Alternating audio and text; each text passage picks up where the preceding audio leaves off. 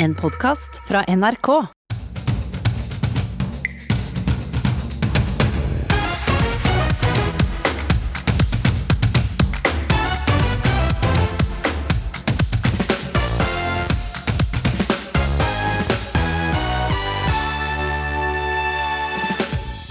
We, the jury, in the above entitled matter as to count one, find the defendant guilty. Juryen kom denne uken med en knusende kjennelse mot politimannen som kvalte George Floyd. Jeg er bitter for at politimannen som kvalte min sønn ikke fikk noen straff, sier Anne Askevold. Og har Bent Høie noen fagre ord til årets russ? Koronaen bremser igjen festen for avgangselevene, men russen på Mysen håper det ordner seg. Ja, vi håper vi kan få rulle litt sånn som det i fjor, at det liksom ikke blir så veldig, veldig mye verre, da. Og drømmen om en europeisk superliga i fotball fikk supporterne til å angre på tatoveringer og melde seg ut av klubber. 48 timer tok det før alt var over, og vi tar debrifen her i Ukeslutt. Og er du en av dem som forarger deg over kantete nybygg og kjedelige fasader? Det er et arkitekturopprør på gang. Du lytter til NRKs Ukeslutt. Mitt navn er Filip Johannesborg. Russetiden kan ikke tas om igjen eller spilles på repeat, sa helseminister Bent Høie i sin takk til ungdommen i fjor. Men kan slike takketaler tåle en reprise? For også i år demper pandemien feiringen til avgangselevene. Russen gir seg likevel ikke, og håper selvsagt på en fet og fin russefeiring. Reporter Line Forsmo dro til Mysen for å bli med på forberedelsene.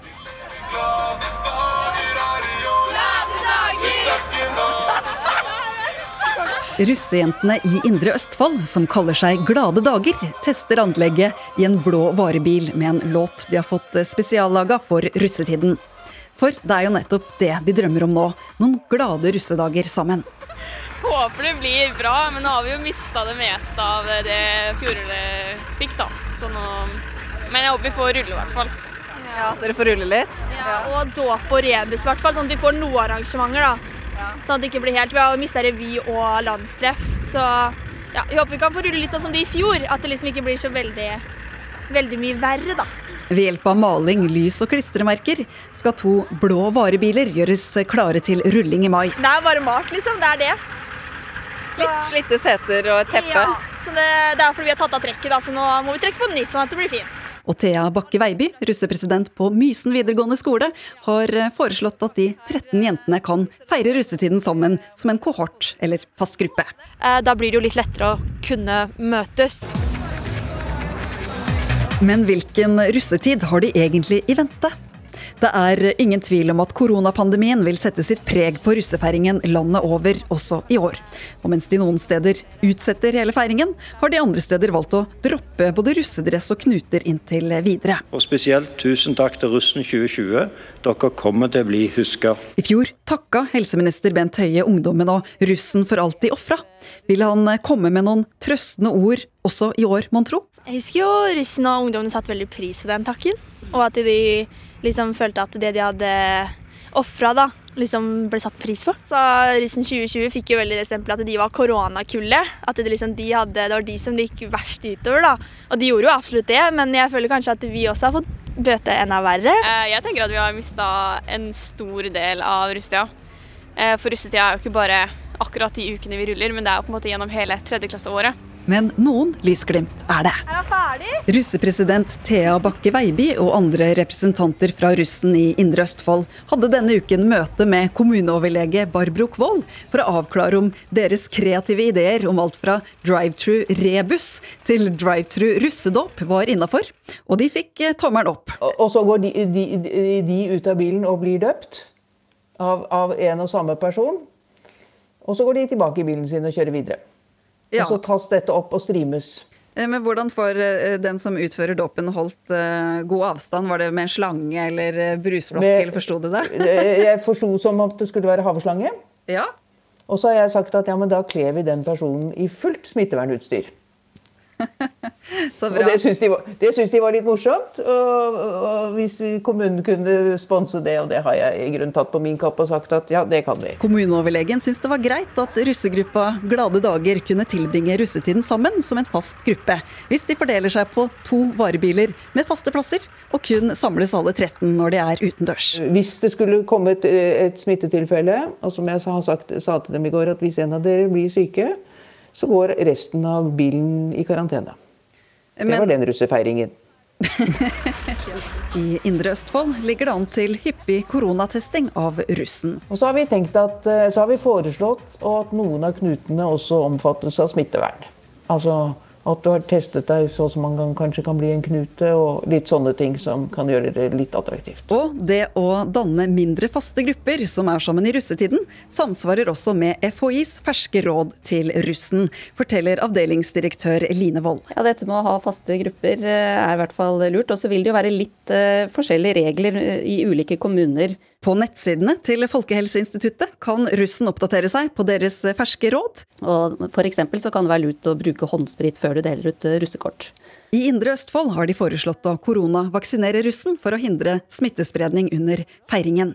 Det er til vurdering hos FHI, men Wold sier dette neppe blir aktuelt, i alle fall ikke før 17. mai. Det er nok eh, neppe aktuelt, og det har med tilgangen på vaksinedoser og også med når man får effekt av vaksinering. Og så har det med at vi gjør jo vurderinger Eh, i forhold til hvilke aldersgrupper som skal prioriteres når. Men, eh, men jeg tror nok det blir litt tidlig for eh, russen, ja. Dere Hvis det kommer noe smitte da inn i russegjengen, hva er det verste som kan skje?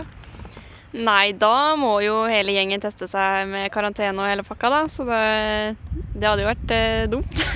Men eh, altså Det er jo bedre å teste seg og at hele kullet i så fall må i karantene, da, enn at vi spre smitten enda videre. Men så kom viruset og knuste alle disse drømmene. Og mens russen planlegger en russefeiring prega av pandemi og smitteverntiltak, vil helseminister Bent Høie gjerne også få takke russen 2021. Jeg vil eh, egentlig gjenta eh, takken eh, fra i fjor og si at eh, jeg er veldig imponert eh, over den det samfunnsansvaret som russen 2021 òg ser at de er villige til å ta. og og jeg er ekstra imponert nettopp med tanke på at eh, dette er en eh, ungdomsgenerasjon som òg har levd et år med sterke begrensninger, og som nok hadde håpet at de skulle få en annen russetid. At kanskje russetiden skulle være starten på det normale livet igjen. Og så ser det jo dessverre ikke ut til at det, det blir det, men allikevel så er de villige til å stille opp, og det er jeg utrolig takknemlig for.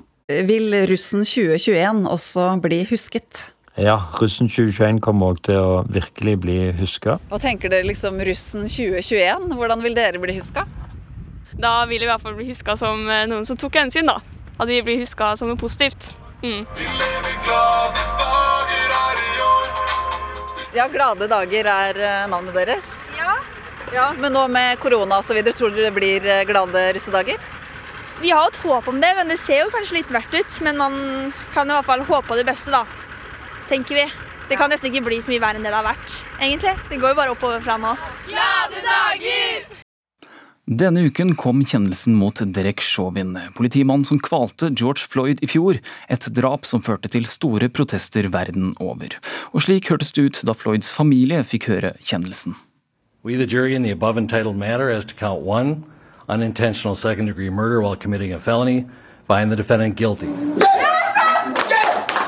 The jury, in the above entitled matter as to count three, second degree manslaughter, culpable negligence, creating an unreasonable risk, find the defendant guilty. Men det er ikke bare i USA at en pågripelse kan ende med døden. Også her i Norge har vi hatt flere tilfeller hvor den pågrepne er kvalt til døde fordi politiet har benyttet det som kalles halsgrep. Vi har med oss Anne Askevold her i Ukeslutt. og For drøyt 30 år siden døde din sønn Tony etter at han ble kvalt av en politimann. Hva slags minner vekket rettssaken mot den amerikanske politimannen og George Floyd i deg? Ja, det er veldig mange, egentlig. ja. Jeg har ikke orka å sett på den videosnutten av når han Floyd blir rett, for det ble for sterkt for meg. Men um, det vekker jo alt tilbake igjen etter så mange år, så. For din historie starter 1.4.1990. I forbindelse med et eh, innbrudd blir da din sønn Tony pågrepet av en politimann som da ikke eh, var i tjeneste, men hadde drukket alkohol. Og din sønn blir holdt nede med et halsgrep, og den rettsmedisinske rapporten viser at 18-åringen døde av kvelning. Året etter blir drapssiktelsen mot politimannen henlagt etter bevisets stilling. Uten sammenligning for øvrig med politidrap i USA, der det denne uken kom en kjennelse. Din sønn sønn Anne Askvolds død den førte ikke til en straffereaksjon. Hva har det betydd for deg? Det har betydd eh, veldig mye. Det har fulgt meg resten av livet. Jeg sitter eh, fortsatt Når jeg tenker på det Jeg har lagt saken bak meg, selvfølgelig, men jeg vil påminne om det, og det jeg sitter igjen med, er fortsatt en slags bitterhet. Altså. bitterhet. Jeg mener så absolutt han burde tatt sin straff, eller fått sin straff. Har du savnet en beklagelse fra politiet? Det har jeg. Aldri hørt et ord fra politiet mm, etter det eneste vi fikk, det var da vi kom på politistasjonen og det skjedde. Det var de hjalp oss eh, opp til legevakta på Bærum sykehus. Vi fikk en valium der. Det var den hjelpa vi fikk. Vi fikk. Mm. Og aldri hørt noe mer. Hva savner du fra politiet da? Nei, hun kunne ha tatt en telefon og hørt åssen det gikk med meg eller oss. Eller en, og kanskje en slags form for beklagelse. Vi har også med oss eh, Thomas Wakko. Eh, Velkommen til deg også. Hei. Du har eh, også opplevd at en av dine nærmeste døde i forbindelse med en pågripelse. Ta oss tilbake til en forsommerdag i 2003. Du var 16 år, og din familie hadde tilkalt politiet fordi din far var truende. Politiet kom. Hva skjedde så? Nei, vi ba om hjelp. Jeg og min storesøster ringte til politiet. For vi skjønte her har mamma behov for hjelp, egentlig. Eh, og vi søkte etter støtte, da. Pappa var jo ikke seg selv. Det husker jeg godt den, fra den kvelden. Før politiet kom, så sto jeg ovenfor, og da var, ikke, var han ikke gjenkjennbar. Og politiet kom, prøvde kan si, roe situasjonen ned. Eller situasjonen var jo noenlunde rolig, men som jeg husker at den ble, ble mer eskalert. da. Hva var det og, som skjedde så? Nei, Det ble et basketak mellom politiet og, poli, øh, og min, med min far. Og Det siste jeg ser, er å prøve å snakke litt til min far mens han ligger i, på bakken i, på gresset rett utenfor huset hvor politiet strever med å få på han håndjern og holde han nede. Og De hadde ikke situasjonen under kontroll. da. For jeg ringer en gang til til politiet og spør at her trengs det mer hjelp. Senere så viste det seg at han hadde dødd av kvelning. Ja, kvelning, ja. For det tok et grep som Samme grepet som hadde gjort tidligere, da. Eh, politimannen følte seg truet, da. Og så ble det mer Ja, fy om man kunne gjort situasjonen annerledes, det kan man jo man tenker jo ettertid, da. Men ja, for Hva er det du så at politimannen gjorde din far? Nei, Han lå oppå med pappa øh, lå oppå på magen da, og prøvde å forstreves med en politistudent. For det var bare to personer. Uh, og prøvde å få på håndjernene, og han sa bare 'få på håndjernene på beina', et eller annet, egentlig pappa sitt slåss også med livet sitt òg, da. Mm. Eh, at han følte seg også trua på livet. Hvordan har oppveksten og voksenlivet vært uten det å ha en far? Nei, det er Som en sønn så har man alltid savna en støttespiller. da. Det er greit man har en mor, men en sønn trenger en far òg. Far og sønn har kanskje en annen type relasjon, og det hadde jeg med pappa òg. Jeg var jo på turer med pappa, har vært på interrail med pappa når jeg var 14 år. og man han savner en, en farsfigur, da. Politimannen ble tiltalt for uaktsomt drap, men ble senere frikjent av tingretten pga. nødverge. Hvordan tror du dette kunne endt hvis det hadde skjedd i dag, Thomas Wako? Ja, dagens teknologi hadde kanskje hjulpet. da, Fått et objektiv vinkel på situasjonen. da. Mm. Eh, fått en nøytral mener jeg, eh, situasjonsvinkling. da. Mm. Uh, og ikke, man hadde ikke spekulert uh, og tatt alle fakta på bordet. da. Anne Askvold, hvordan minnes du nå din sønn Tonny? Ja, savnet er der fortsatt. og Alt har kommet dukka veldig fram med dette Floyd-saken sånn ubevisst. og Jeg har tatt fram gamle avisklipp og sittet og sett på som jeg ikke har sett på på mange år. Ja, som har dratt det til, tilbake igjen, og det er vondt.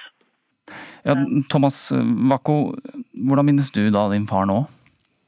Nei, savn, kan man si. Savn i hverdagen. Men i øh, oppveksten, så klart. Og med tanke på min lillesøster som var bare fire år når det skjedde. At man Ja. Ja, det er ja, rett og slett ønsker å ha en øh, støttespiller og en far i hverdagen. da. Takk for at dere ble med i Ukeslutt, Anne Askvold og Thomas Bakko. Vi har vært i kontakt med politimennenes advokater. Politimannen som tok halsgrep på Thomas Bakkos far, ble frifunnet i flere rettsrunder med begrunnelsen at han handlet i nødverge. Saken mot politimannen som kvalte Tony Askevold ble henlagt, også av Riksadvokaten. Nå har vi politidirektør Benedikte Bjørnland med oss. Hva er din reaksjon på de etterlattes historier? Nei, Jeg syns jo det er, det, det er, triste historier å høre. Eh, det er jo vonde opplevelser for eh, både Anne Askvold og Thomas Wacko som formidles her. Og, og, sånn sett så er dette her eh, dette er trist. Og selv om det er saker som ligger tilbake i tid, så får jeg jo et veldig inntrykk av at minnene lever. Og det er sårt den dag i dag. Men jeg må spørre, Er det lov å ta halsgrep for norsk politi i dag? Nei, det er ikke lov. Eh, det er ikke en arrestasjonsteknikk eh, som eh, læres opp ved Politihøgskolen.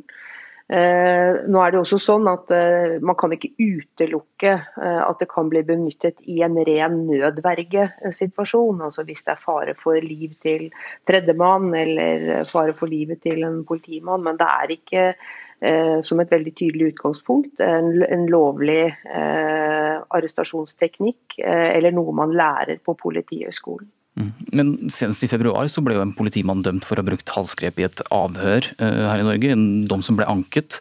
Hvordan har det seg da at norsk politi fortsatt bruker dette omstridte grepet? Jeg vil jo eh, absolutt si at eh, det er ikke noe som skal benyttes. Det er ikke en anerkjent eller lovlig arrestasjonsteknikk i Norge. Og når det da har blitt benyttet og ansatte hos oss har blitt dømt i etterkant, så tenker jeg det fremstår jo som, uten å gå inn på en konkret sak, så fremstår jo det som veldig riktig. Og I dette tilfellet overlevde mannen som ble utsatt for eh, halsgrep, et grep som etter Tony Askvolds død i 1990 ikke skulle brukes mer. Men like fullt har flere blitt kvalt etterpå. Mest kjent er kanskje Skien og Biora i 2006, hvor Sivilombudsmannen konkluderte med at Norge brøt menneskerettighetene. Er det noen av disse sakene hvor du syns politiets bruk av halsgrep var unødvendig, Bjørnland? Det er, det er, vanskelig for meg å, å, gå inn på enkeltsaker nå, men eh, det jeg har lyst til å si er at eh, disse tilfellene hvor det er benyttet halsgrep eller mageleie som har vedvart over tid, sånn at folk har, har eh, endt med å bli kvalt, rett og slett. eh, og så er, det, så er, dette saker som har um, ført til uh, gjennomgang og læring, og tatt inn i uh, politiutdannelsen. Sånn at arrestasjonsteknikk er et av fagene som det eh, øves mye på, som får mange timer både førsteåret og tredjeåret av bachelorutdannelsen, og som også er en del av det ordinære årlige vedlikeholdsprogrammet for Eh, politiutdannede. Sånn at vi gjør absolutt det vi kan for at dette skal eh, terpes på, det skal læres. Det skal eh, eh, være slik at våre ansatte skal være trygge i å håndtere korrekt arrestasjonsteknikk. Mm. Eh, og når det ikke skjer, eh, så er jo dette saker som regelmessig skal anmeldes til Spesialenheten for politisaker. Mm. I Amerika så kan jo Derek Chauvin vente seg en ganske streng straff. Hva tror du ville skjedd om norsk politi hadde kvalt et menneske i dag? Nei, det er, det er vanskelig å, å, mene noe om uh, hypotetiske uh, saker, da. Men det er klart at uh, hvis norsk politi forsømmer seg, og forsømmer seg så grovt at folk blir alvorlig skadet, eller til og med avgår ved døden som følge av en pågripelse, så ønsker jo jeg vil jo si at Vi ønsker jo da en etterforskning og en gjennomgang av den saken, sånn at eh, det blir fullstendig belyst om hva var årsakssammenhengen, eh, og om det foreligger et straffbart forhold. Eh, som i så fall bør få sin behandling i domstolsapparatet. Mm. Hva syns du om kjennelsen som nå Chauvin har fått? da? Altså, jeg har jo bare sett eh, denne saken gjennom media, eh, så jeg får ta det forbeholdet. Men det, det fremstår jo sånn uh, utad som både riktig og viktig at han er dømt. Og jeg tenker jo at det bør jo være starten på et møysommelig arbeid som jeg antar ligger foran amerikansk politi, for å bygge tillit mellom, mellom politiet og befolkningen. Og her til lands så skal vi ikke se halsgrep, eller? Nei, det skal vi altså ikke. Eh, det har jeg lyst til å, å understreke. Og så eh, sier jeg samtidig at man, man kan få nødvergesituasjoner hvor det er på en måte siste utvei i en, i en situasjon, men det er ikke noe man eh, har som en del av en lovlig eh, arrestasjonsteknikk i Norge i dag. Takk for at du var med i Ukeslutt, politidirektør Benedikte Bjørland. Du har nok sett det. Grå metallkasser med påhengte balkonger i glass og betong popper opp i byer over det ganske land. Et arkitekturopprør på Instagram har vakt stort engasjement den siste måneden. Der sammenligner de nye bygg med gamle bygårder fra 1800-tallet med sprossvinduer og søyler. De er nemlig lei av det de kaller nye, stygge bygg. Gråe, store, massive, kalde bygg det gir meg ingenting. Jeg har, ikke, jeg har ikke, lyst til å gå der. ikke sant? Jeg har lyst til å ha et miljø jeg trives i. Alt fra liksom fine bygg til, til grøntområder. da. Vi må faktisk presse politikerne til å ta ansvar, for det, det er et demokratisk problem, sånn som vi ser det. Det sa Erik Holm bak Instagram-kontoen Arkitekturopprøret Norge. Og opprøret har spredd seg til hele landet.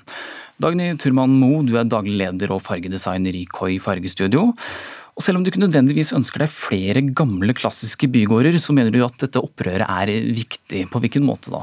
Nei, altså Jeg syns det er veldig på langt overtid at vi får en debatt om estetikk. Eh, og hva som er stygt, og hva som er pent. Eh, og hvordan vi blir påvirket av omgivelsene rundt oss. Eh, og det er jo ikke tvil om at mye av det som bygges i dag, er ganske stygt å se på. Det er mye monotone farger med billige, dårlige materialer som ikke eldes godt over tid. Eh, og jeg tror faktisk at vi har noe å lære av den tradisjonelle eldre arkitekturen, og særlig når det kommer til hvordan man oppdeler, deler opp store volumer, så får de til å se mindre ut, og også den mer komplekse farge- og materialbruken. Og dette er noe vi fint kan overføre til samtidsarkitekturen og oppnå mye av det samme som man klager på, um, uten å nødvendigvis gå tilbake til en gammel byggestil. Altså, du ønsker dette opprøret velkomment? Absolutt. Vi har også med oss deg, Camilla Moneta. Du er fagsjef i Norske arkitekters landsforbund. Du har tidligere sagt her i NRK at arkitekturopprøret fordummer en viktig debatt. Hva mener du med det? Jeg sa vel forenkler, jeg står i fare for å forenkle en debatt. Og det handler vel om at eh, vi som jobber med arkitektur vet at det er så utrolig mange oppgaver vi skal løse, det er komplekst. Men når det er sagt, så, så er det ikke noe tvil om at arkitektene er glad for at denne debatten kommer. Eh, fordi det er eh, veldig mange mennesker som er opptatt av omgivelsene våre, og det skal vi være. For vi bygger jo for ting som skal stå i hundrevis av år fremover, forhåpentligvis, hvis det er kvalitet. Så vi ser jo problemet, og vi er jo helt enige i at det er veldig mye arkitektur som er bygget som er stygg, og som eh, ødelegger på små steder, og som verken gir noe tilbake til omgivelsene eller er funksjonelt gode. Men du har jo også sagt at arkitektur appellerer til reptilhjernen. Hva mener du med det? Ja, det jeg sa da, det var at man skal passe seg for å bare um, appellere til reptilhjernen, for det er den instinktive hjernen vår. Den skal med når vi snakker om estetikk og omgivelser. Men vi må også koble på de andre delene av hjernen for at vi skal få en debatt som virkelig kan gjøre en forskjell. Da. Og vi er jo opptatt av at arkitektur skal gjøre en forskjell i samfunnet, en forskjell for mennesker. Men hva er det du mener er stygt, da? Hva jeg mener er stygt? Ja, av arkitektur. Eh, det kan være arkitektur som ikke tar stedet på alvor, som ikke eh, har en menneskelig skala der man beveger seg, som ikke gir gode uterom, som er monoton, og som er grå, og som har dårlige materialer og dårlig detaljering, som er kjedelig å se på. Eh, så det er veldig mye jeg er enig i at det er dårlig arkitektur, men all moderne arkitektur er ikke dårlig. Ja, Dagny Turma Moe, hva syns du om svarene som opprørerne har fått fra fagmiljøene? Jeg syns jo at tilbakemeldingen eh, har vært ganske nedlatende. Eh, og jeg skulle jo ønske at bransjen hadde kommet med litt mer av det Camilla sier nå. Vi sier vi hører hva, vi, hva dere sier, vi, vi, er enige at det ikke er bra nok. Eh, og la oss snakke om dette sammen og se liksom hvordan vi kan få skapt en by som flest mulig oppfatter som vakker. For for, for der fins det også en del forskning som viser at man føler seg bl.a. tryggere og man tar bedre vare på steder som man oppfatter som vakre eh, omgivelser. Um, og så syns jeg jo også dette med at uh, de estetiske normene innenfor arkitektur i dag er ganske smale, ganske, ganske sånn trang boks. Eh, og der har jeg snakket mye med studenter, og særlig den yngre generasjonen, som har veldig lyst til å eksperimentere litt mer og kunne stå fritt til å referere til hvilke tiår de skulle måtte ønske. Sånn at det, det må ikke stoppe ved 30-tallet, at man like gjerne skal kunne referere til noe fra 1870 om man skulle ønske det. Eller 1560 for den saks skyld. Altså, det burde være knekkende likegyldig, mm. så lenge arkitekturen blir god. Hva er det du mener er stygt, da? Hva jeg mener er stygt, det er jo eh, monotone bygg. Eh, som også kan være kaotiske. Eh, og det kan ha noe med asymmetri eh, kombinert med svak farge- og materialbruk, f.eks. Og det at man gjerne bruker farger og materialer på fasader på en måte som gjør at byggene ser større og mer ruvende ut enn det de egentlig er, og også enn det de trenger å gjøre. For Hvordan ville du at det skulle sett ut, da? Jeg vil jo eh, mye av det samme som Camilla vil, egentlig. Vi vil ha, eh, jeg vil ha eh, gode stedstilpassede miljøer som det er hyggelig å være i. Som folk flest syns er vakre å se på og syns det er hyggelig å, å, å, omgi seg med. Og som har god og mer kompleks farge- og materialbruk. Jeg ser jo her at du stiller jo i en hva skal man si, rosa, litt lilla og grønn jakke med ganske tydelige farger. Er det slik du håper at byen skal se ut? Ja, jeg håper at byen At man skal jobbe mye mer med kultur, den kulturhistoriske identiteten til de forskjellige byene rundt om i landet. Eh, og forsterke den i stedet for å forringe den og svekke den, sånn at vi ser at mange av eh, boligprosjektene gjør i dag. Ja, Camilla Moneta, det er jo hva skal man si, det er jo ikke så mange farger går i norske byer eh, lenger. Er ikke det arkitektenes skyld? Jo, det kan godt hende at eh, arkitekten har mye skyld for at eh, det er en, eh, en fargeløs trend nå. Men så, så, har man kanskje hatt fokus på at det er materialenes sin egen, egen, farge som skal stå frem. Det er jo det som har vært rådende lenge. Man kan f.eks. se på, på Munch brygge nede i Bjørvika som har blitt slaktet for fargeløshet. Men akkurat det bygget, teglsteinsbygget som er rødt, det er jo veldig mye farge i seg selv. sånn at man trenger ikke å male alt i knallfarge for å få farger. Men ja, vi vi tåler å ha mye mer fargebruk, og det er det mange som ønsker seg. Det, vi, det ser vi nå at det, det kommer mer av. Mm. Ja, Du rister på hodet, Turmamo. Ja, og, og jeg, jeg, kjenner jeg lar meg provosere av materialenes egenart. Eh, og, og, særlig typ gråne treverk og sånne ting, som ikke står seg spesielt godt over tid. Eh, og når man jobber med materialer, så jobber man jo heller ikke i særlig stor grad med de som har historisk forankring. Sånn som i Oslo, hvor vi har Grorudgranitten f.eks. Der er jo Røykengranitten et godt alternativ, som er lettere å få tak i i dag. En rød granitt.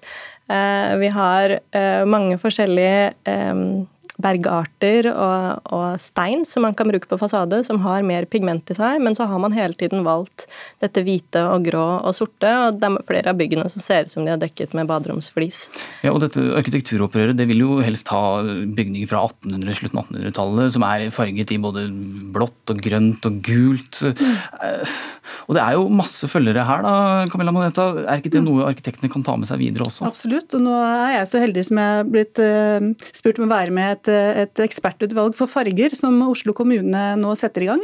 Hvor det er en politisk bestilling om å lage en fargeveileder i byen og ta for seg palettene på de ulike stedene i byrommene. Og lage en inspirasjon, en bevisstgjøring rundt farger. Så det er klart at, at det at vi snakker om disse tingene gjør at det også skjer noe fra politisk hold, og det er jo veldig viktig. Så vi håper jo nå at dette opprøret bidrar til at politikerne tar eh, estetikk og arkitektur og byutvikling skikkelig på alvor i valgkampen. Og da må man tenke på hva arkitekturen skal gjøre, ikke bare hvordan den ser ut, men også hvordan den ser ut, selvfølgelig. Ja, Hva mener du, Turmamo? Hvem har ansvaret her? Eh, helt til eh, øverst på toppen så har vi politikerne.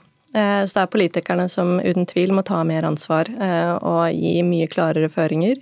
Så må vi ha utviklere som også er ambisiøse på vegne av det estetiske og det å skape rom som gir noe tilbake og som har eh, lang estetisk varighet. Så er det arkitekter som også har et ansvar i å pushe eh, mot dette, og kanskje trekke seg fra prosjekter som, som, ikke har den kvaliteten som man trenger, og som er viktig for at prosjektene skal bli vellykket. Og det er jo der jeg syns at NAL også må komme inn og være en sterk stemme i forhold til det. Mm. Ja, vil dere komme inn, Moneta, helt til slutt? Eh, ja, og det er jo klart at vi står i en tid også hvor vi har klimakrise og biologisk mangfold som trues. og Det, er, det bygde miljøet skal vi jo løse også med det for øye. Så å klare det samtidig som vi lager vakre eh, områder, det jobber vi for. Mm, det får bli siste ord i denne samtalen. Takk for at dere kom til ukeslutt, Dagny Turmamo og arkitekt Camilla Moneta. Erlend Næss fra Trondheim er en av mange nordmenn som har fått påvist korona. Det spesielle med Næss er at han fikk det på vei opp til toppen av verdens høyeste fjell, nemlig Mount Everest i Himalaya. Velkommen til ukeslutt, Erlend Næss. Takk for det. Når i løpet av turen var det du begynte å merke at noe var galt? Eh, jeg merka eh, eh, på en, eh, en litt lengre etappe fra det vil si sånn midtveis omtrent, eller litt, litt, over midtveis, ja. Vi begynte å nærme oss ikke, ikke veldig langt fra basecamp. Og det var på den etappen at jeg merka mindre energi enn jeg normalt har. Og jeg tenkte først at jeg kanskje har drukket litt for lite vann. Og at det var rett og slett eh, noe som ville gå eh, raskt over når jeg fikk i meg mat og drikke. Men det gikk altså ikke over, eller? Nei, det viste seg jo da at det ble egentlig verre og verre. Så når jeg kom opp til, til Loboché, så var jeg sliten og hadde også fått ned, nedsatt appetitt. Så det var vanskelig å få i seg noe særlig mat. Og det viste seg da at uh, i ettertid da, så viser det seg at du kan ha blitt smittet da, av korona. Har du noen tanker om hvordan du ble smittet? Jeg hadde jo en, en, tanke om det på et tidligere stadium, eh, men, eh, men, det er klart at vi var jo innom mange tea house. Eh, vi sov i sånne eh, brakkelignende serveringssteder. Og enkelte av dem var, jo, var, det jo ganske trangt, og vi møtte jo òg andre folk. Og det, det verken jeg eller eller alle andre var flinke med å bruke munnbind oppi, oppi fjellet der, da. Men vi var veldig nøye med å vaske hender i antibac og prøve å holde avstand, men eh, Du ble altså sjuk, du er på over 4000 meter over havet. Hva gjør du da? Nei, det jeg gjorde, det var det at jeg fortsatte turen som om ingenting eh, hadde hendt. Eh, når jeg skjønte at jeg måtte ned, det var vel egentlig etter tre dager i basecamp hvor jeg ble bare verre og verre. og eh, Målingene mine på, på oksygenmetning i blodet var stabilt lav, rundt 70. og eh, hvor medisineringa ikke hjalp, og jeg måtte ha oksygentilførsel på natta. Neste dag så måtte jeg evakueres ned i helikopter. Da skjønte jeg at det var eneste utvei. Hvordan er det å rett og slett ha korona midt oppi Mount Everest? da? Kan du si om det? Eh, nå har jeg jo aldri hatt korona i lavvannet, men det er klart at eh, korona er jo en, en sykdom som angriper lungene. Og det er klart at eh, å ha en sånn sykdom i 5500 meters høyde, det er det er nok atskillig verre enn å ha det på, på ned, ned, ved havnivå. Hvor er det du befinner deg akkurat nå, Erlend? Nå befinner jeg meg i et eh, privat nepalsk hjem hos en storfamilie. Hvor eh, alle mine venner og ble tatt imot som en eh, helt, nesten. Det var en stor plakat som møtte meg i går kveld når jeg kom ut fra sykehuset og hjem til dem. 'Welcome home', Erlend, sto på en stor plakat på rommet mitt, som jeg har fått tildelt i huset her. Så det var veldig hyggelig. Men du er ikke bekymret for at du kan ha smittet andre klatrere, da? Det, det er veldig vanskelig spørsmål å svare på. Eh, selvfølgelig så ønsker jo ingen å smitte noen andre. Verken klatrere, whatever. Men eh, jeg har jo, når jeg ble syk, så holdt jeg meg mye for meg sjøl. Og sjøl om jeg ikke trodde jeg hadde korona. Du får ha god bedring, eh, Erlend Næss. Ja, takker for det.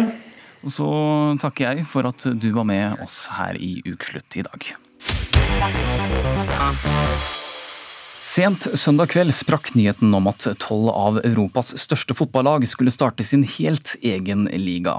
Vi snakker om lag som Liverpool, Manchester United og City, Barcelona, Juventus, Real Madrid og ja, de største klubbene fra England, Spania og Italia. Men planene om en ny superliga i herrefotballen fikk supporterne til å gå av hengslene. Bare hør. Here we go. Fra et supporterperspektiv så syns jeg det er håpløst. Som landslagstrener så kan jeg ikke stå inne for det, og som fotballmann så syns jeg det er totalt hjernedødt.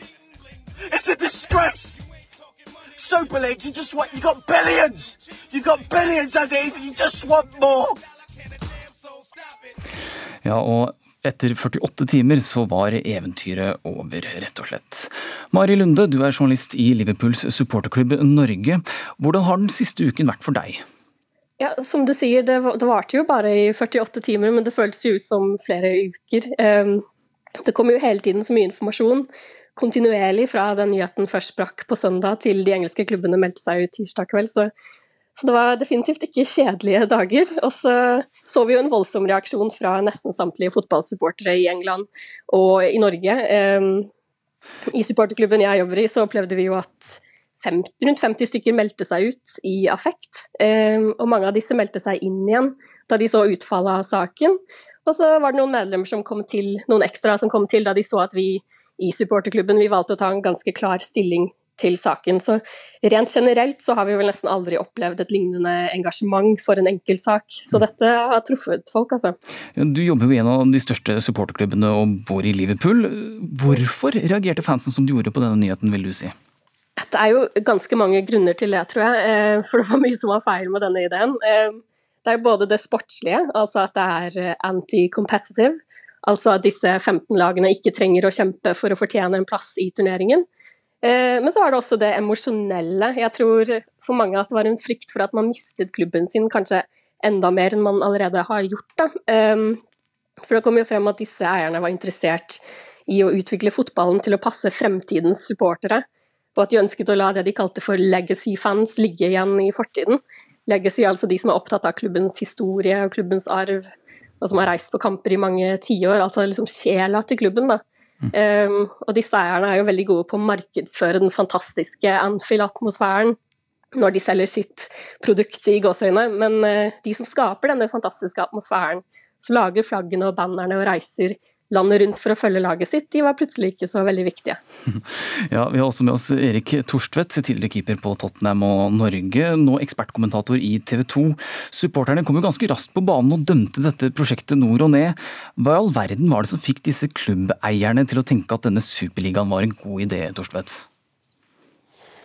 Nei, Det er et veldig godt spørsmål. fordi at En av deres tanker var jo at dette skulle bli så mye mer profesjonelt. Måten de skulle gjøre det på, skulle bringe inn så veldig mye mer penger. Og så skulle de da betale såkalte solidaritetspenger til alle de andre som ikke fikk lov til å være med i deres lille klubb. Men måten de lanserte dette på, var jo så sabla amatørmessig. Det var altså så naivt og rett og slett stein stokke dumt, måten de gjorde det på. Eh, måten de kommuniserte på, måten mangelen på kommunikasjon. At de lot jo fansen i løpet av 48 timer kuppe hele scenen. Og, og, og greide på en måte å vri hele stemningen eh, til å være en unison fordømmelse av denne gjengen her. Sånn at eh, Jeg må jo si at det er jo litt eh, herlig å se at, at fansen fortsatt har en betydning. At fansen kan gjøre en forskjell. Og, og dette her var jo en, en gedigen seier for, for fansen. Mm. Hva burde eierne gjort da, Thorstvedt? Eh, de burde ha forholdt seg til det eh, systemet som finnes. For det finnes jo et system i dag der europeiske kamper de organiseres av Uefa. Og det er mange som er misfornøyde og har ulike meninger om hvordan det gjøres. Men det er nå engang sånn at det er en fordeling som skjer gjennom den organisasjonen. Um, og at det er et konkurranseprinsipp som ligger i bånn. Det vil altså si at hvis du gjør det bra, så får du belønninger, og hvis du gjør det dårlig, så får du ikke være med å ryke ut. Den nye foreningen de ville jo ha en, en fast gjeng med medlemmer som, som, ikke kunne ryke ut. Og som ville sitte der og styre og gi litt smuler til de andre, disse solidaritetspengene. Men det brytes med et sånn grunnleggende konkurranseprinsipp. Og hvis en hadde fått lov til det nå, så hadde det bare vært en begynnelse. Da hadde sannsynligvis hele greia rast. Og det var så mange kamper i denne nye ligaen at det hadde blitt eh, rett og slett for mange kamper hvis du i tillegg skulle spille i Premier League. Og så kommer Fifa på banen og vil ha et klubb-VM. Dette baller bare på seg. Så eh, enormt kult og fint at det ble stoppa sånn som det gjorde. og fatter ikke at disse milliardærene, som tross alt er ganske smarte folk, hvordan i dette tilfellet kunne være så dumme. Mm. Ja, Mari Lunde, La oss si at det finnes folk her i verden som ikke helt forstår hvorfor denne superligaen var en så dårlig idé. Altså, det blir flere kamper å gå på, og de beste møter de beste fra andre land. Det er jo litt som 'Mesternes mester' på NRK, egentlig. Det høres jo egentlig gøy ut? Ja, ikke sant. Ja, jeg skjønner jo at man kan tenke det, men uh hvis man skal møte Real Madrid og Barcelona hver eneste sesong, så blir det jo plutselig ikke noe mer spesielt å møte dem enn å møte Burnley eller West Bromwich, for å sette det veldig på spissen.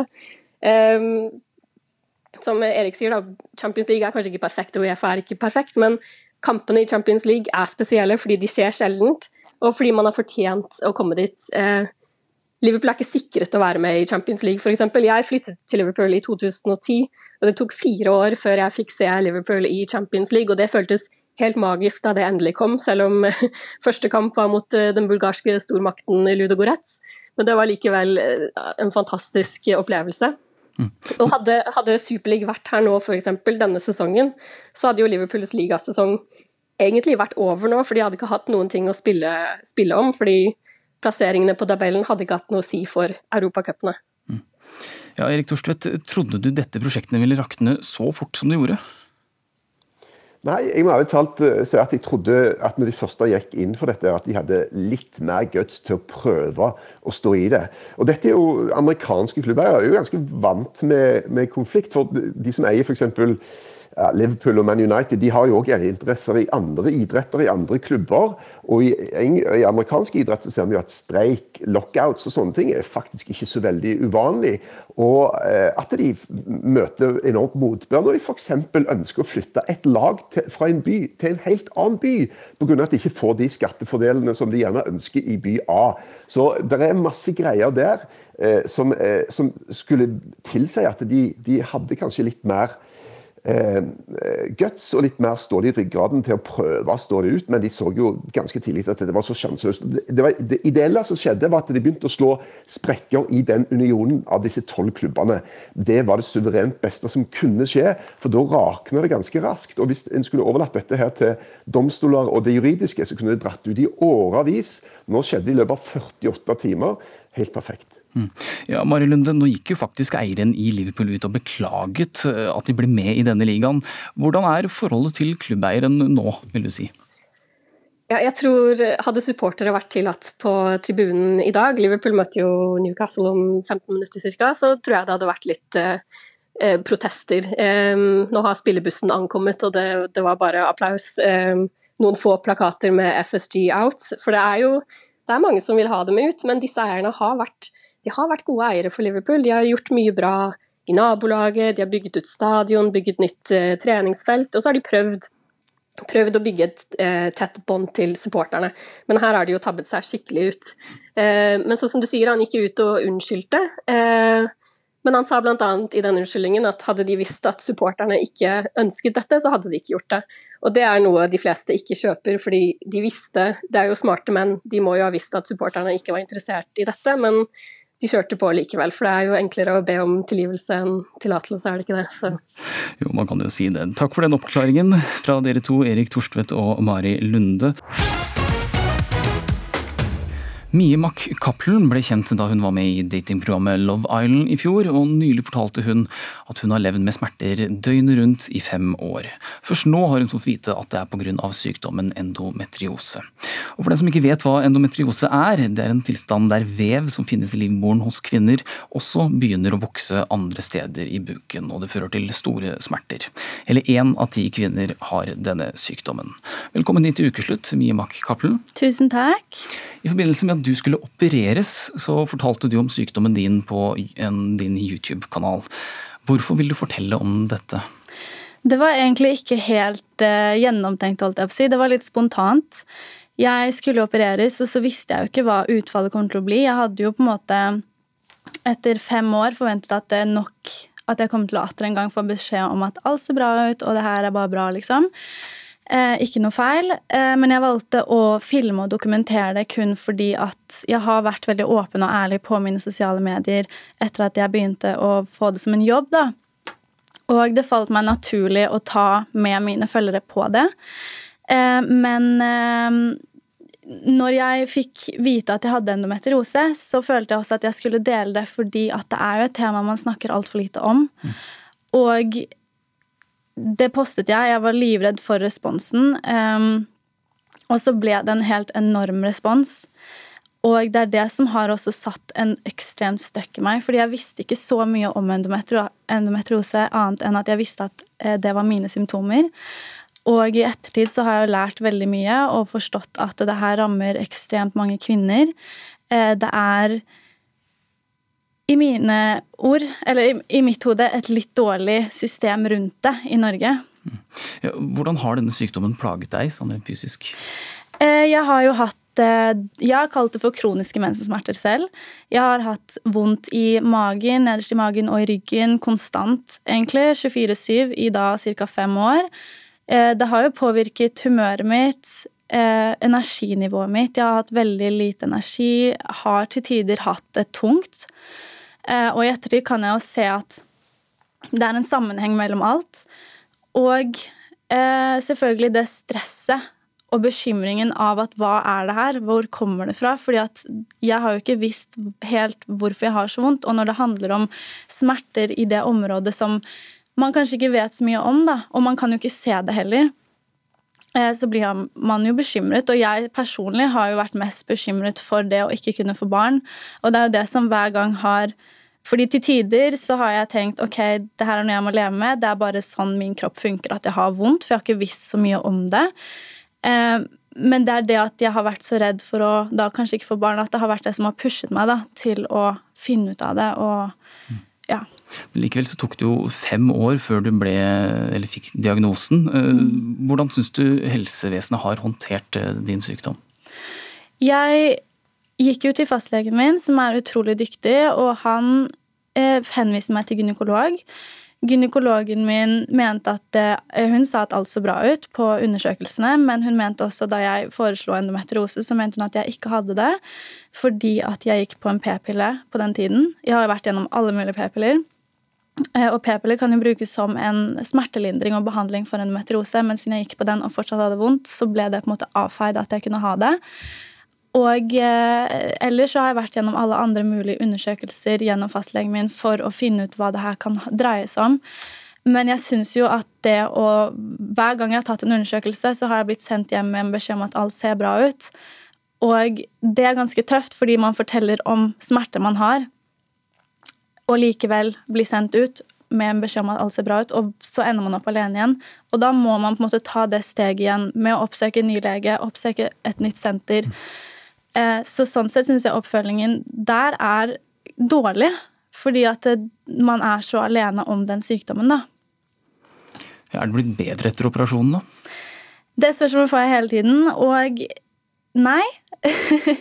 altså, jeg har fått en ekstremt lettelse over å få vite at det er det her jeg har, og at eh, jeg kan sette et navn på det. Men jeg har fortsatt håp, fordi det kan ta lang tid. Jeg har jo fått satt inn en spiral. Og det kan ta lang tid før den begynner å funke 100% så jeg har håp om at det her kommer til å bli bedre. Men for min del så har eh, det satt seg i andre deler av kroppen også. Og det må behandles på en annen måte. Så jeg går til osteopat nå for å få løsnet opp, for jeg har jo vondt i eh, korsrygg og ben. Og eh, det er sånn det også med denne eh, sykdommen, er at det påvirker så mange andre deler av kroppen og psyken. At det, det, er ikke bare det å få en diagnose, så er du good. Du må på en måte følges opp og få informasjon, og det mangler det i dag. Hva mener du skal til da for å få bukt med den sykdommen? Eh, jeg kunne jo ønske at det fantes et system man var i allerede fra man begynte å kjenne smerter, til man fikk en diagnose, men også etterpå. Fordi det er jo et helt liv med denne sykdommen. Den går ikke bort. Eh, og det er så mange deler av, et, av en kvinnes liv som blir påvirket av det her. Sånn at en oppfølging syns jeg hadde vært utrolig viktig med både hvordan man kan fungere i hverdagen, hvordan man kan få bedre relasjoner og sexliv og alt det her som blir påvirket av det. Eh, man kan få traumer av en slik sykdom og gå med det konstant. Og ja, bare den oppfølgingen og behandlingen i ettertid, da. Mm. Tusen takk for at du kom hit til ukeslutt og fortalte din historie, Cappelen. Mm. Vi skal straks høre hva både en gynekolog og en statssekretær mener om hva som bør gjøres for å fikse både kunnskapen om og behandlingen av endometriose. Vi har med oss Guri Majak, du er seksjonsleder på gynekologisk avdeling på Oslo universitetssykehus. Hva tenker du når du hører Cappelens historie? Tenker først og fremst at eh, den er veldig typisk, dessverre. Mange har mange år før de får diagnosen endometriose, men samtidig behandling. Så det er klart det er ikke for alle at man går i villrede i så mange år, men dessverre for altfor mange. Det stemmer. Mm. Hvorfor har vi ikke et bedre behandlingsopplegg for dette, da? Ja, Det er et utrolig godt spørsmål. Vi har etablert en gjennomarbeida og det vi mener en god veileder, eh, gynekologisk veileder når det gjelder endometriose. Den er tilgjengelig for alt helsepersonell. Så der står det jo gode retningslinjer for utredning og behandling av denne tilstanden. Men man må jo mistenke den, da. Og det er utrolig mange som nå når dette har blitt så hett i media, også har sagt å, dette har jeg aldri hørt om før. Så det er mange som ikke har hørt om tilstanden, selv om den er utrolig vanlig, og det gjelder nok dessverre også en del helsepersonell. Så kunnskap ned, helt ned i skolen, i New Zealand blant annet, der har de en film og opplysningsmateriale allerede nede i skolen. Helsesykepleiere, fastleger, de må ha dette helt framme i pannebrasken når det kommer unge jenter med disse symptomene. Mm. Vi har også med oss Anne Grete Erlandsen, du er statssekretær i Helsedepartementet. Du kaller dette en folkesykdom. Hvorfor er kunnskapen og behandlingstilbudet da så dårlig? Jeg er redd for at eh, det har noe med å gjøre at det er en, eh, en kvinnesykdom. At det er den enkeltes eh, smerteopplevelse som liksom er det som man kommer med til helsetjenesten. Og dessverre så er det ikke alltid slik at man blir hørt og sett og forstått når man kommer med dette. Eh, jeg tror mange har blitt møtt med dette her er noe du må regne med. Husk du er jo kvinne og alle menstruerer og alle har vondt, så dette må du tåle. Eh, så jeg tror det jeg er helt enig med det Guri Majak sier. Vi trenger at, eh, at hele helsetjenesten har mye større kompetanse. fordi når du ikke vet, så vet du heller ikke hva du skal se etter. Så jeg er enig i at vi trenger en mye bedre kunnskap om denne sykdommen som, som rammer så mye som én av ti kvinner. Mhm. Men Anne Grete Erlandsen, er ikke dette her deres ansvar i Helsedepartementet? Det er et eh, ansvar som eh, jeg syns er viktig at fagmiljøene i Norge eh, jobber med. Vi kan gjøre ting f.eks. For som forteller Guri Majak at det er laget en god veileder for endometriose, som sikkert handler om både diagnostisering og behandling. Det vi kan gjøre er å, å sikre at det finnes retningslinjer, men vi kan ikke Eh, i seg sjøl politisk bestemme hvordan, hvordan, fagfolk skal jobbe. Det må fagfolk eh, først og fremst bli enige om eh, selv. Og, og her, men her er det også viktig at, som vi også hørte Heldigvis for Mie Cappelen så har hun en fastlege hun, hun, stoler på. Men eh, det er jo viktig at fastlegene kan om noe om dette, og det er viktig at folk har hørt om dette.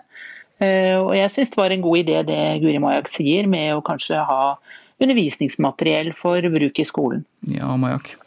Jeg vil bare komme tilbake til det med behandlingstilbudet for endometriosepasienter, for det har vi. Og bare så det er klinkende klart, vi har vanvittig mye og god kompetanse, tverrfaglige miljøer på denne sykdommen eksisterende i Norge i dag. Og når jeg leser at man savner et behandlingssenter eller en behandlingstjeneste kompetansesenter, hva det kalles i ulike land, som man har i Sverige og Danmark, det, det, at vi ikke har det i Norge, betyr ikke at ikke kompetansen fins. Mm. Den er her. Vi er gode på dette.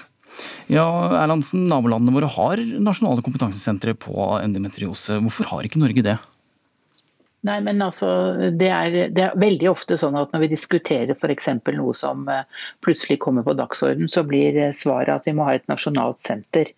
Eh, det som jeg tror kanskje man må vurdere mer, det er hvordan man gjør f.eks. noe som er veldig komplisert, nemlig å operere. Noen ganger så må man operere disse pasientene, dette vet Guri Majak mye mer om enn meg.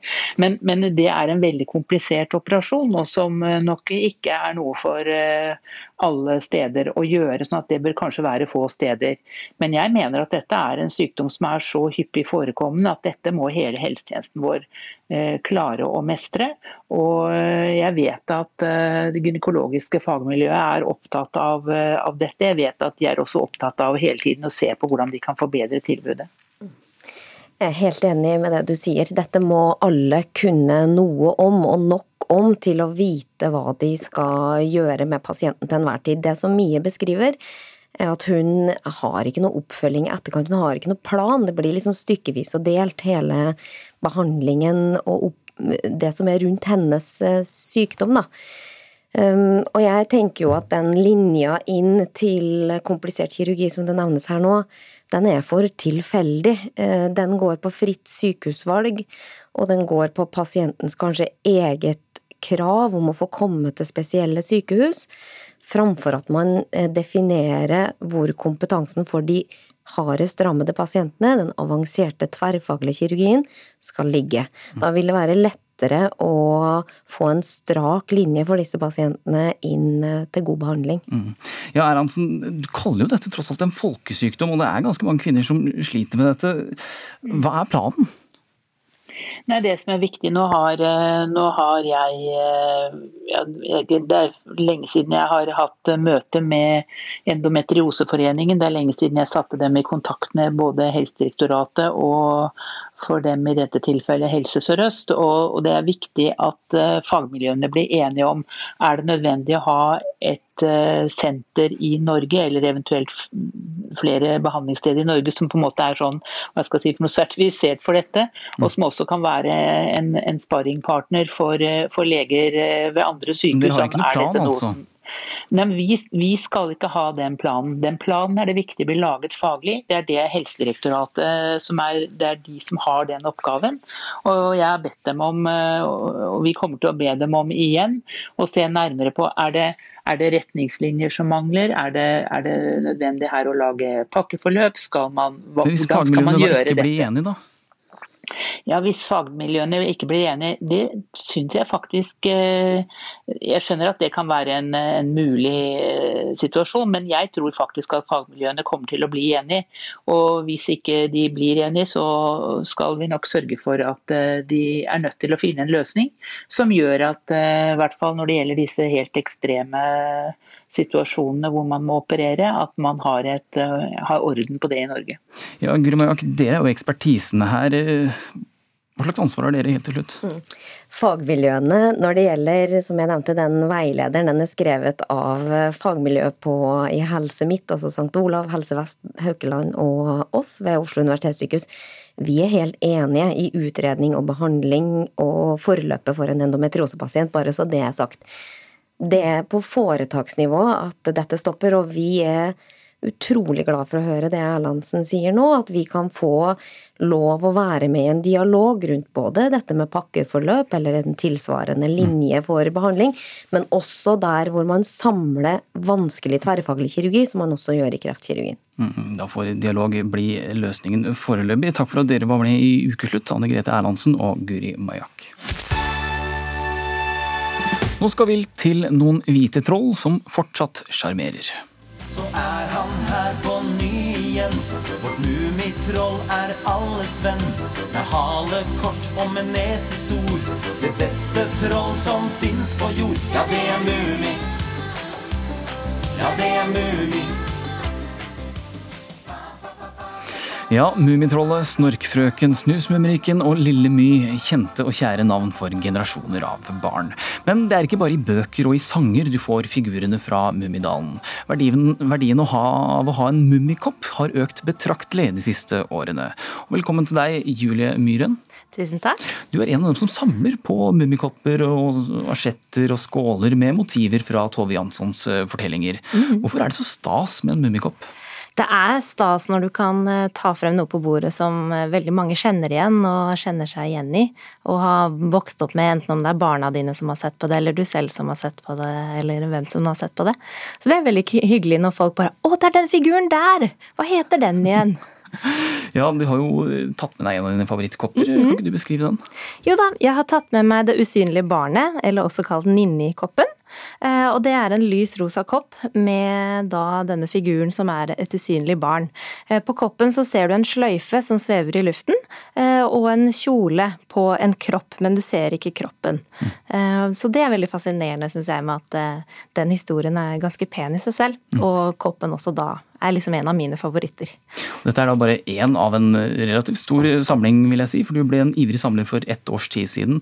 Og jeg regner med at det ikke var en kraftig økning av konsum av varm drikke som var grunnen til at du begynte å samle, men Nei. hva var det som fikk deg til å begynne å samle på disse koppene? Samlingen aktivt ble at eh, når jeg ble permittert eh, for et år siden, så var det det å ok, hva skal jeg gjøre som er min lille hverdagsglede.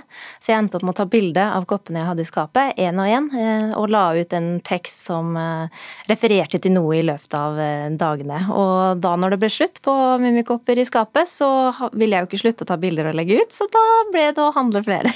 Så hvor mange har du da? Jeg har rundt 80 stykker til dags dato av forskjellige kopper. Forskjellige kopper, ja. ja. Og man har jo som regel flere like også. Og disse har jo fått en eh, viss verdi. Atle Kildebo, du er redaktør av magasinet Samler og Antikkbørsen. Denne uken ble det jo kjent at en slik kopp med mummimotiv ble solgt for 110 000 kroner. Hvorfor får en slik kopp en så høy pris? Det er nok pga. grunn av at man eh, forholder seg til et produkt som er populært eh, for veldig, veldig, veldig mange mennesker. Eh, Dette er ikke et sært og lite tema, men eh, man har mange mennesker i mange land. Og eh, blant disse så vil det alltid være noen som har anledning til å omtrent by det uendelige. Det er grunnen til at, at det kan skje, og det gjelder for så vidt innenfor alle samlerområder. Ja, Kan det gjøres gode investeringer i en slik samling, da, tenker du? Eh, hvis vi tar utgangspunkt i dag, og etter alt som er skrevet om disse spesielt eh, verdifulle koppene og høye prisene, så tror jeg det er, det er vanskelig. Hvorfor det, dette er jo et typisk eh, spin-off-produkt. Det var vel i 1990 de første kom. Og det er klart at de som er heldige å eie eller finne noen av de sjeldne variantene, bl.a. fra den tidlige tiden, eller eh, de som er lagd senere i svært begrensa opplag, de kan jo selvsagt gjøre et kupp. Men jeg tror at eh, på generelt grunnlag så skal man eh, for å si det litt på spissen, man skal nok ikke legge pensjonspengene sine inn i det, men man skal gjøre som samleren her eh, beskriver, man skal ha glede av det. Eh, Man lærer av det, det er sosialt, man kan eh, treffe nye venner og ha, ha mye, mye glede av det. Og det er nok eh, den riktige innfallsvinkelen. Eh, Og så kan man med økt kunnskap eh, eventuelt vurdere å legge noe, noe mer betydelig beløp i det, men sånn generelt sett så er det nok kanskje litt sent å gå inn i dette temaet i dag for å tjene penger. Mm, ja, Så det er kanskje noen falske forhåpninger ute og går her, for de som ønsker å Ja investere? man, ja, man skal være forsiktig, og særlig når det gjelder disse litt, litt nyere tingene. Eh, men det er klart at det er, det, er, det er, mulig å gjøre funn, så da må man bare ha kunnskap om hvilke av disse mummikoppene som betegnes som sjeldne av samlerne. Eh, og lete etter de på loppemarkeder og bruktmarkeder, så kan man selvsagt gjøre et kupp. Mm. Men det er klart at når man har kjøpt en kopp f.eks. til 110 000 kroner, Eh, så slår jo det inn at det er alltid mye lettere å kjøpe enn å selge. Det kan være at hun får solgt den for et høyere beløp, den som har kjøpt den, men eh, det kan også være at det blir veldig vanskelig å finne en kjøper. Så ikke sett pensjonspengene i dette, men eh, ha gleden av det. Treff likesinnede og, og, og, lær underveis. Og, og vær forsiktig. Ja, Julie Myhren, hvor er pensjonspengene dine satt? Nei, de er nok ikke satt til Mummi. Det er det ikke. Og det er jo, jeg er veldig enig i det han sier i form av at eh, man skal være forsiktig når det er et produkt som kan plutselig falle i verdi fordi folk ikke er interesserte lenger. Det kan bli for gammelt og utdatert. Eh, så nei, pensjonen ligger ikke der. Nei, men altså, denne koppen, eh, Vi kunne lese om på nrk.no at denne Mummikoppen ble solgt for 110 000 kroner. Ja. Skulle du gjerne hatt den, eller? Eh, den er på ønskelista, men samtidig så er det det med verdien av pengene at eh, der blir pengene verdifulle på et annet sted for meg. Mm. Og så er det jo det med at den er jo bare produsert 400 stykker av med nummerert eh, under, så det er det som gjør den så spesielt i seg selv. Men det går jo dessverre veldig mange falske av den koppen ute og går også, så du kan jo være uheldig og ende opp med en kopi. Mm. Og da slirter du litt hvis du skal prøve å selge den igjen sånn uansett. En forfalskning, ja, faktisk. Mm. Atle Kildebo, eh, hvordan starter en slik samletrend som vi nå ser med disse koppene? Eh, jeg tror veldig mye av dette handler om, eh, som allerede her er nevnt, at dette er relasjoner. Oppvekst i enten eget hjem, mormors hus. Dette er gode minner. altså Her snakker vi om barnebøker som, som kom på, på 40-tallet. Og da kan man jo si at det er flere generasjoner som har et, et nært og hyggelig forhold til det. Eh, det er ofte starten for interessen når man kanskje i voksen alder ser igjen en sånn kopp. Oi, Mummi, det, det har jeg godt forhold til, den kjøper jeg. Og så kjøper man kanskje en til, og så får man kanskje en i gave. Og så slår samlegenet inn, og så øker kunnskapen, og så kjøper man flere. Og så har man mange sorter for, for glede og kunnskapsvekst i det. Det er sånn, sånn det begynner. Ja, og Julie Myhren, er du ferdig med å samle på mummikopper, tror du? Nei, jeg er ikke ferdig, og jeg er jo bare 25, så sånn sett så er jo jeg den generasjonen som har sett på Mummi. Eh, men samlergenet, det har jeg, så det stopper nok ikke her. Men eh, det kommer litt an på, fordi jeg har så veldig mye av det andre Mummi også, som kakefat og asjetter og skåler, som du nevnte, så er det jo det at eh, jeg ender opp med å ha et godt, stort frokostbord og mange på besøk, som, gjør, som jeg syns gjør at det blir hyggelig. Mm. Så, men pengeverdien der skal jeg prøve å være flink. Samlegen, sier du. Er det andre ting du samler på? Ja. Eh, antikke symaskiner, blant annet. For jeg er utdanna kjole- og draktsyer. Eh, og er leder i Norges kjole- og draktsyforbund, så da følger det med med å ha med historien av symaskiner, f.eks. Mm. Og frimerker som mange andre. Myntsamling. Viskelær. Ja, litt av hvert. Så det genet har jeg. ja, Atle Kildebo, hva er de mest spesielle samlingene du har hørt om? da? Du har jo litt oversikt? Uh, ja, nei, du, Det samles på, på, uh, over hele verden og i Norge. Altså Alt kan samles. Altså Noen samler på disse papirposene som man så tidligere uh, om bord i fly. Det, Erik Diesen i sin tid han hadde en fantastisk samling av doruller. det er, det er ubegrensa hva det samles på. Det samles på alt fra verdifulle kulturskatter og via mummikopper til telekort. Det, det, er, det er, helt ubegrensa. Det fins eh, for så vidt uh, ikke noe det ikke samles på. Det betinger jo bare at man kan finne litt forskjellige varianter og sånne ting, sånn at det kan sies å, å bli en samling. Og da sier jo samlerne selv at uh, når man når antallet fem, da har man en samling. fem er altså det gylne tallet. Takk for at dere ble med i Ukeslutt. Mummikoppsamler Julie Myhren og redaktør av magasinet Samler og Antikkbørsen Atle Kildebo. Ja, vi var ved veis ende, og den ansvarlige for sendingen det har vært Kari Li. Teknisk ansvarlig, ja det har vært Hilde Tosterud, og i studio det var Filip Johannesborg. Da gjenstår det vel bare å si god lørdag. Du har hørt en podkast fra NRK. Hør flere podkaster og din NRK-kanal i appen NRK Radio.